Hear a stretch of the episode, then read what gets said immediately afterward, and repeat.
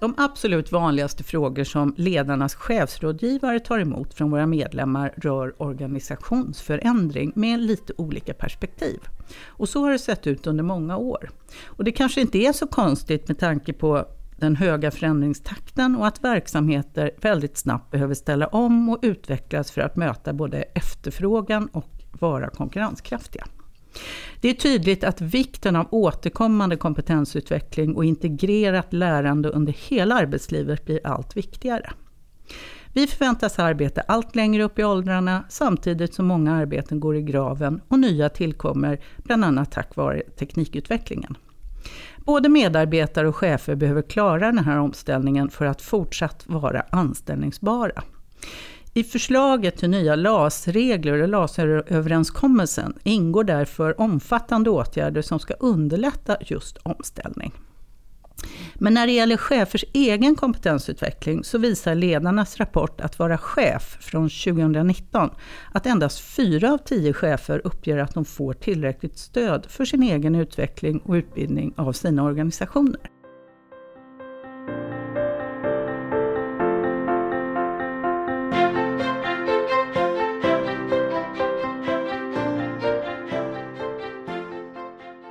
Heter Anki Udd och är ledarskapsutvecklare på Ledarna. I det här avsnittet av Chefsrådgivarna ska vi prata om vikten av att vara anställningsbar. Är lång och trogen tjänst inget värt längre? Och vad innebär egentligen tillräckliga kvalifikationer vid en omplacering? Och hur kan förslaget om nya LAS-överenskommelsen skapa förutsättningar till omställning? Idag har jag med mig chefsrådgivare Maud Harberg som ska hjälpa oss att förstå varför det är så viktigt att vara anställningsbar och vad du som chef behöver tänka på vid en organisationsförändring. Varmt välkommen hit Maud! Tack! Vi kommer också att prata med Helena Hedlund om det förslag kring nya LAS-överenskommelsen som nu är under utredning. Helena är ansvarig för avtal och villkor på PTK. Varmt välkommen du också Helena! Tack så mycket! Maud, eh, jag nämnde inledningsvis att det är väldigt vanligt att ni får frågor som rör just organisationsförändring. Eh, men vad är det de kan handla om? De vanligaste frågor vi får är ju ofta förknippade med oro faktiskt. Vad kommer att hända? Vad bör jag tänka på? Eh, jag vet ju kanske vid kontakten med ledarna inte ens om min tjänst kommer att beröras, utan jag har bara hört att det är en omorganisation på gång. Så att det är oftast oron inför och att man kanske som chef framförallt vill känna sig förberedd om det är så att man kommer få ett enskilt samtal eller om jag nu omfattas i det här, vad, vad händer? Vad ska jag tänka på? Och oftast är det, det är de vanligaste frågorna faktiskt. Mm. Eh, och vid omorganisationer är det ju inte ovanligt att tjänster försvinner.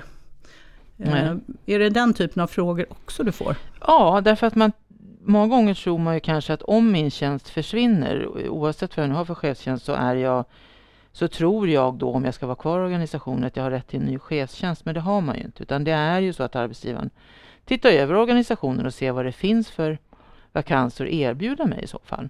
Och vad jag har tillräckliga kvalifikationer för. Om jag får erbjudande då som chef att nej men min, den här tjänsten, nuvarande tjänsten, den kommer försvinna i den nya organisationen. Mm. Och så får jag ett erbjudande om en helt annan tjänst. Mm. Vad, vad, ska jag ta en sån omplacering? Vad, vad bör jag tänka på? Det du bör tänka på i en sån situation är att om det är förändrade villkor till exempel, det här är ju enda gången som arbetsgivaren kan göra en förändring i dina villkor och då kanske också förknippat med lönesänkning. Så då ska du ju tänka över om det är så att du känner att det här kan vara av intresse för mig. Det är mitt kompetensområde, kompetensområde. Det kan vara så att det här var någonting du höll på med för, för, för flera år sedan. Men ehm, ja, men med tanke på att jag kanske kan ta det under tiden när jag söker någonting annat. Och det här med, du nämnde det här tillräckliga kvalifikationer. Jag tycker det är ett knepigt begrepp. Mm. Eh, om jag ska bli erbjuden en annan tjänst så menar arbetsgivaren naturligtvis att jag måste ha tillräckliga kvalifikationer för den tjänsten. Mm. Vad, vad betyder det i praktiken? Tillräckliga kvalifikationer finns inte reglerat i lagen faktiskt, utan det är ju så att om du blir erbjuden en roll, om arbetsgivaren anser att du är den som har den kompetensen, så är det ju arbetsgivaren som äger det här begreppet tillräckliga kvalifikationer. Du ska kunna fasas in i rollen ganska snabbt.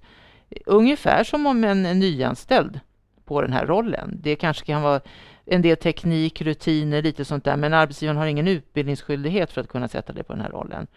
Utan eh, ja, alltså ungefär kliva in i den rakt av, nästintill. För man brukar prata också om att man ska kunna ta den här nya rollen in och, alltså, och vara fullt verksam inom rimlig tid. Mm. är ett begrepp som används också. Mm. Vad, vad, vad, är en rimlig tid? Är det en månad? Är det ett år? Nej, man brukar säga att det är, och igen säger jag då, ungefär att jämföra med en nyanställd, att du ska komma in. Fördelen för dig är ju att du redan är på företaget, så att du förmodligen känner till de här rutinerna och så. Så att det är ju det du erbjuds ska ju vara inom ditt kompetensområde och rimlig tid då skulle väl kunna vara, kan man kanske säga, tagit lite ur luften, ungefär en månad. Okay. Men ska jag ta ett omplaceringserbjudande även om det ligger utanför mitt normala kompetensområde? Mm. Och det är ju frågan då, om du känner att du vill göra det här, för som jag sa så är ju arbetsgivaren inte skyldig att eh, erbjuda någon utbildning, eller de är inte skyldiga att ge dig en utbildning, utan där, men där kan det ju vara av vikt att visa intresse kanske av någonting nytt, även om det ligger utanför ditt kompetensområde. Men då är det ju också upp till dig att kanske ställa krav på arbetsgivaren och säga ja, jag är jätteintresserad, nyfiken, men det här är inte mitt område, så var står vi då? Om, om jag får ett erbjudande en omplacering då till en helt ny tjänst och så mm. känner jag att nej men det här, nej jag går inte igång på det här, jag brinner inte för det här området, mm. nej jag väljer att tacka nej. Vad mm. händer då? Om jag tackar nej, då har ju arbetsgivaren fullföljt sina skyldigheter och behöver inte göra någonting mer. Utan då blir det ofta så att ja, då har vi gjort det vi ska, så dessvärre så blir det då kanske en uppsägning på grund av arbetsbrist.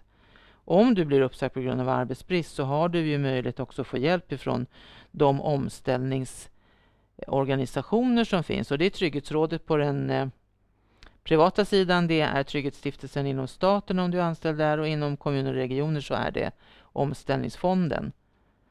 Så där kan du få hjälp då framöver om det är så att du skulle bli uppsagd på grund av arbetsbrist och titta kanske på en, en ny karriär, en ny vändning i, i yrkeslivet.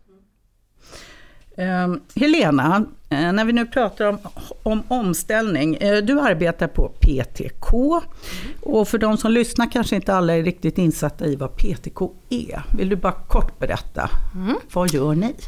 PTK är ju en förhandlings och samverkansorganisation på privat sektor. Eh, består av 25 eh, förbund, bland annat ledarna då som är med i PTK.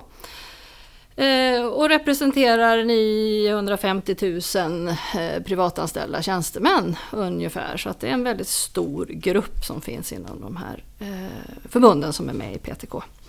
Och vårt huvudsakliga uppdrag det är ju att förhandla och förvalta övergripande kollektivavtal. Eh, tjänstepensionsavtal, avtal om omställning, den typen av avtal som är likalydande då för hela, hela den här gruppen.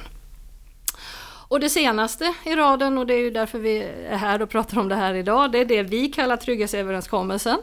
Alltså en överenskommelse som innehåller regler om anställningsskydd, om omställning och kompetensstöd och som då ska samverka med de här lagförslagen som man nu arbetar fram. Som, ja, som du sa, LAS överenskommelsen, LAS-förslagen, det ska liksom samverka med det kollektivavtal som vi har träffat. Så att det är vårt huvudsakliga uppdrag. Och det kanske vi ska vara extra tydliga med också, att det här är fortfarande, det är inget beslutat kring den här, de här nya eh, vad ska jag kalla dem, paketen. Utredningarna är gjorda. Men det, Utredningarna det, är, inte... är gjorda, de har varit ute på remiss. Vi förväntar oss att riksdagen beslutar om det här under våren. Med sikte på att det här ska gå igång då till nästa höst. Eh, så att vi tror att det här kommer att hända, och, men, men allting är inte på plats än. Alla beslut är inte fattade. Det har ju varit ett, i det här arbetet eh, och förhandlingarna har det varit ett väldigt stort fokus just på möjligheter till och stöd för omställning. Vad är bakgrunden till det? Varför har det varit så viktigt? Jo, men det är viktigt. Precis som Maud sa så finns det ju redan idag eh, omställningslösningar för de privatanställda tjänstemännen. Bra sådana, de har ju upparbetats ända sedan 70-talet. Eh, men det vi har sett och det vi hör när vi pratar med våra omställningsorganisationer det är ju att behovet av kompetensutveckling, av att utveckla sin kompetens har ökat eh, under de senaste åren. Eh, teknikutveckling, eh, strukturomvandlingar på svensk arbetsmarknad och så vidare gör att arbetsuppgifterna ser annorlunda ut nu än vad de kanske har gjort tidigare. Och fler och fler Eh, av de tjänstemän som då kommer till Trygghetsråden känner att man behöver bygga på sin kompetens eh, innan man är fullt ut anställningsbar igen på den arbetsmarknad som finns idag. Det här har liksom varit viktiga beståndsdelar för oss när vi haft med, som vi har haft med oss och som vi har velat vidareutveckla för att, ja, för att helt enkelt ha ett, ett omställningspaket som, som är värt namnet 2020. 2021, 2020-talet. Eh, och där vi vet att tillräckliga kvalifikationer inte riktigt gör jobbet längre. Det är inte riktigt det som, som, som skapar den eh, trygghet, det anställningsskydd som, som eh, tjänstemännen och cheferna behöver. Så därför har vi velat vidareutveckla det här. Spännande. Eh, men vad innebär det här i praktiken då? Om det faktiskt kommer bli verklighet? Ja, alltså det här paketet innehåller ju flera olika delar. Eh, dels finns det regler om anställningsskydd kopplat till att man gör vissa förändringar i LAS, i LAS-reglerna.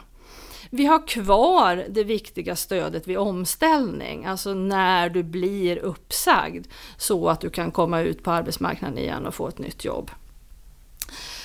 Men det vi också lägger till, och det är väl det allra viktigaste, vi lägger till något som vi har valt att kalla kompetensstöd. Alltså en möjlighet för mig som individ att under min anställning få ledigt, få möjlighet till ekonomisk ersättning under den här perioden och att, ja, att gå en utbildning, att vidareutbilda mig till det som jag själv känner att jag vill. Alltså det är inte arbetsgivaren som bestämmer vad jag ska vidareutveckla mig till, utan det är min egen vilja att bygga på min kompetens. Kan jag då gå en utbildning till florist till exempel?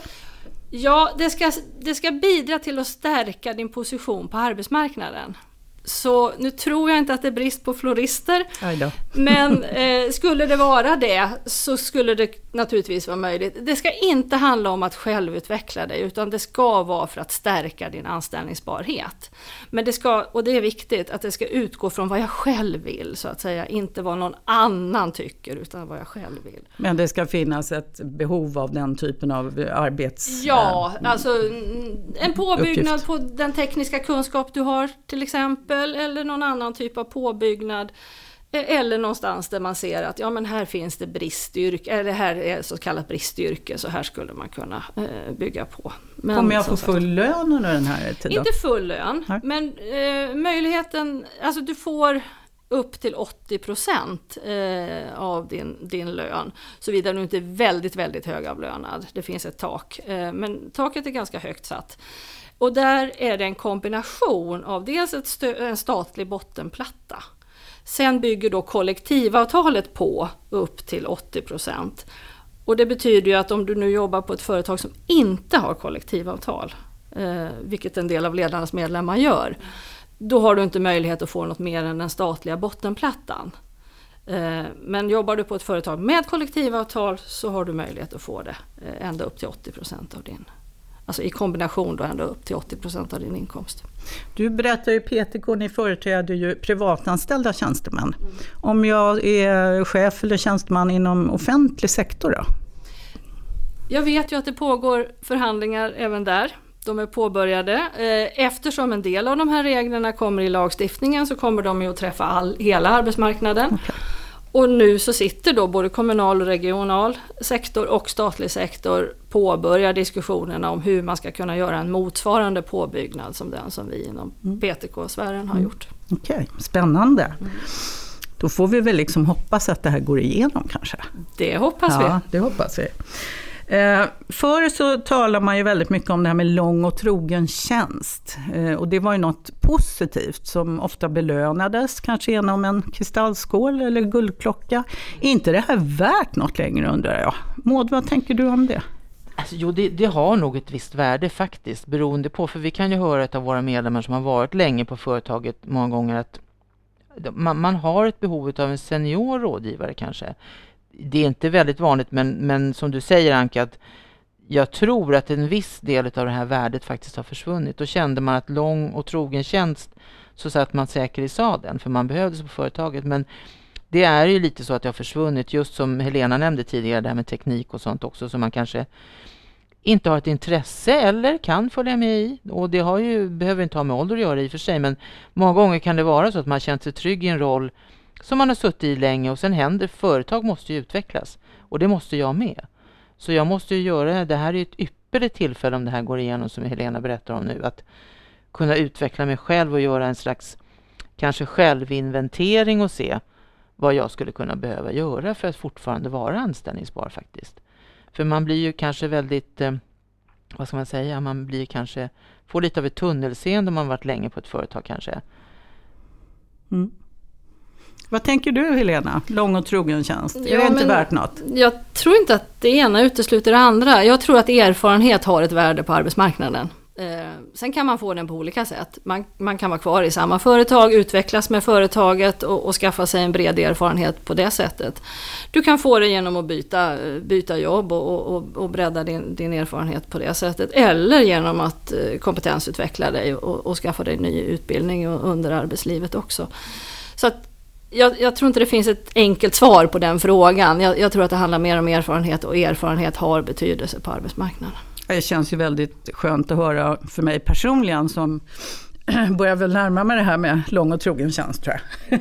så, vi är fler i det här Vi är fler här. Ja. ja. så kan det vara. Um, vad, vad, är era bästa tips till chefer nu speciellt som vill hålla sig anställningsbara och faktiskt vill kunna fortfarande vara attraktiva där ute på arbetsmarknaden?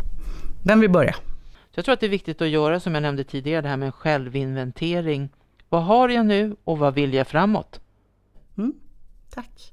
Helena, dina bästa tips? Ja, men mina bästa tips. Eh, var nyfiken på din omvärld och glöm inte att tänka på dig själv. Det vet jag ju och det vet vi när vi, när vi hade startade upp den här eh, förhandlingen att många tjänstemän, inte minst chefer, glömmer bort sig själva och glömmer bort att ta sig tid att kompetensutveckla sig själva. Så Glöm inte det, glöm inte att tänka på sig själv. Stanna upp med jämna mellanrum, fundera lite på var är din verksamhet, organisation, företag på väg? Eh, vilken utveckling ser du framåt? Vart är branschen på väg? Eh, vad händer? Alltså, titta på, på din omvärld. Eh, och det är inte alltid du får de, de uppgifterna eller den uppfattningen från din arbetsgivare utan gör en egen liksom, skanning av vad, vad omvärlden är på väg eh, runt omkring dig och ditt jobb. Sen så får du väl fundera på vad vill du själv då befinna dig i, i, i det här och, och vad vill du ta för steg eh, framåt? Och vad krävs för att du ska komma dit? Och då vill jag peka på en sak till som om de här nya reglerna kommer på plats finns.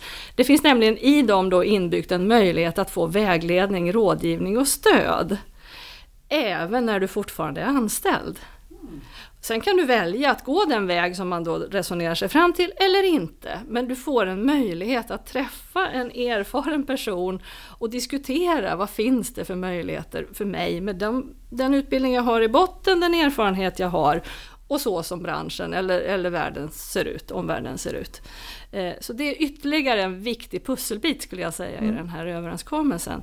Som jag hoppas att, att man nu tar sig tid att använda, tar sig möjlighet att använda för att just hur, se på frågan, hur gör jag mig själv anställningsbar? Och det är ju ett fantastiskt erbjudande att kunna få det. En karriärrådgivare mitt i så att säga, utan att vara uppsagd. Mm. Och då kan man få tips på utbildningar, valideringar ja. eller annat. Mm, mm. Um, för det här stödet är ju inte oändligt så att säga. Man, man, kan få det under ett år. Så att mm. det är ju inte de långa utbildningarna som man, man liksom får plats Nej. med i det här stödet. Men det kommer att finnas och det finns redan idag en mängd av vidareutbildningar som man kan bygga på med. Mm. Så självinventering som man då kan få hjälp med, ett mm. tips. Eh, omvärldsspaning är ett annat. Eh, mycket bra tips tycker jag och det är väl sånt eh, lite till mans vi bör ägna oss åt med jämna mellanrum. För att känna att man är på, ja, att man är på rätt plats. och, då är, och då ska vi inte glömma bort att ledarna också erbjuder karriärrådgivning så då kan du gå in på, på din sida och boka i en kalender så får du karriärrådgivning med en egen karriärrådgivare i tre tillfällen. Det är ju att rekommendera också. Just det, absolut. Den möjligheten finns också. Mm. Med det vill jag säga ett jättestort tack till er, Helena och Maud, för att ni har medverkat här hos chefsrådgivarna idag. Enligt World Economic Forums rapport eh, The Future of Jobs Report 2020 uppskattar företagen att cirka 40 procent av medarbetarna behöver omskolas upp till sex månaders tid för att klara av de nya arbeten som kommer. Och hela 94 procent av företagsledare förväntar sig att medarbetare lär sig nya kunskaper på jobbet. Det här kräver både praktiska förutsättningar och också ett klimat som uppmuntrar lärande. Och som sagt, glöm inte bort dig själv, du som är chef. Det här gäller dig också. Stort tack för att du lyssnade. Och du vet väl att du kan skicka in en egen fråga som du vill ha svar på till chefsradgivarna ledarna.se.